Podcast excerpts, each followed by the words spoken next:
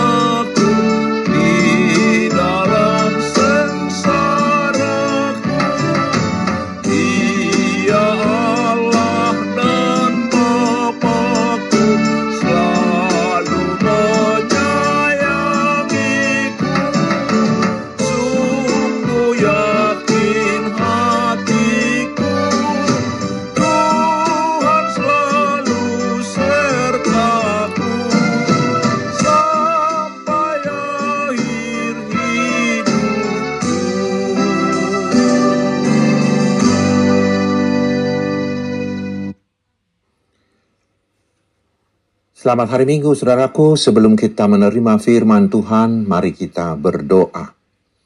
Damai sejahtera yang melampaui segala akal, kiranya mengawal hati saudara-saudara sekalian di dalam Kristus Yesus Tuhan kita. Amin. Saudaraku, firman Tuhan yang ditetapkan untuk Minggu Eksaudi hari ini dengan tema orang benar berseru, Tuhan menjawab adalah dari kitab Mazmur pasal 17 ayat pertama hingga ayat yang keenam, saya bacakan untuk kita. Doa Daud. Dengarkanlah Tuhan perkara yang benar. Perhatikanlah seruanku. Berilah telinga akan doaku dan bibir yang tidak dari bibir yang tidak menipu. Daripadamu lah kiranya datang penghakiman. Matamu kiranya melihat apa yang benar. Bila engkau menguji hatiku, memeriksanya pada waktu malam dan menyelidiki aku, maka engkau tidak akan menemui sesuatu kejahatan. Mulutku tidak terlanjur.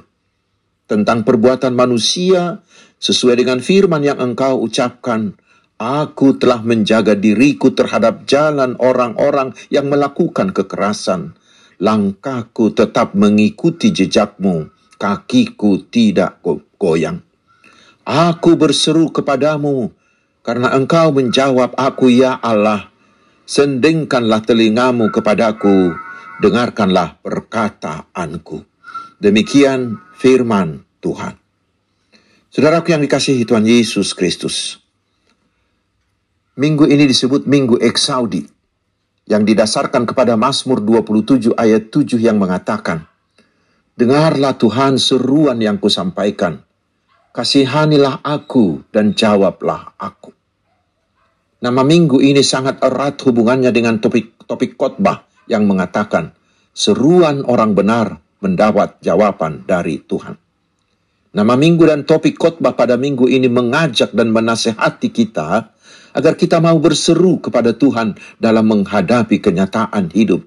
Sebagaimana pemazmur mengatakan, Aku berseru kepadamu karena engkau menjawab aku ya Allah. Sendingkanlah telingamu kepadaku dengarkanlah perkataanku. Ayat 6. Mengapa kita harus berseru kepada Tuhan? Firman Tuhan ini mengarahkan kita untuk meneladani kehidupan pemazmur, yaitu yang pertama, mempercayai kuasa dan kekuatan Tuhan yang mampu melakukan segalanya.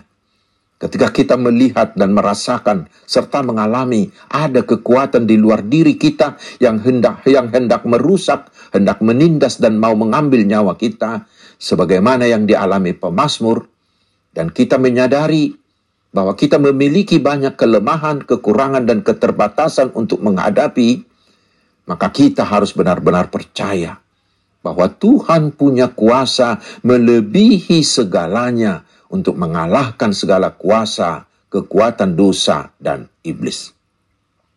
Yang kedua, memohon pertolongan Tuhan untuk menghadapinya untuk menghadapi ancaman, tantangan, dan masalah dalam hidup, kita harus tekun meminta dan memohon kepada Tuhan.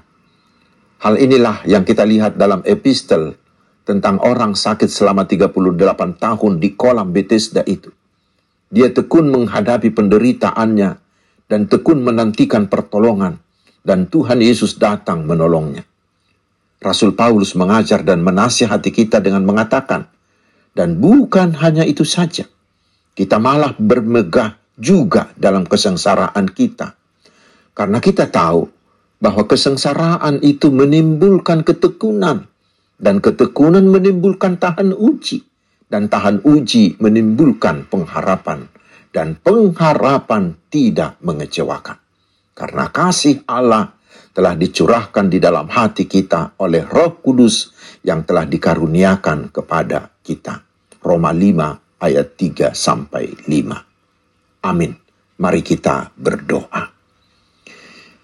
Ya Tuhan yang Maha Kasih, dengarkanlah bila kami berseru kepadamu dan jawablah kami.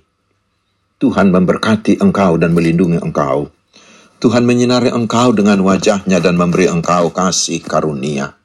Tuhan menghadapkan wajahnya kepadamu dan memberi engkau damai sejahtera. Amin. Selamat hari Minggu, saudaraku. Tetap semangat, tetap bersuka cita di dalam Tuhan Yesus. Tuhan Yesus memberkati.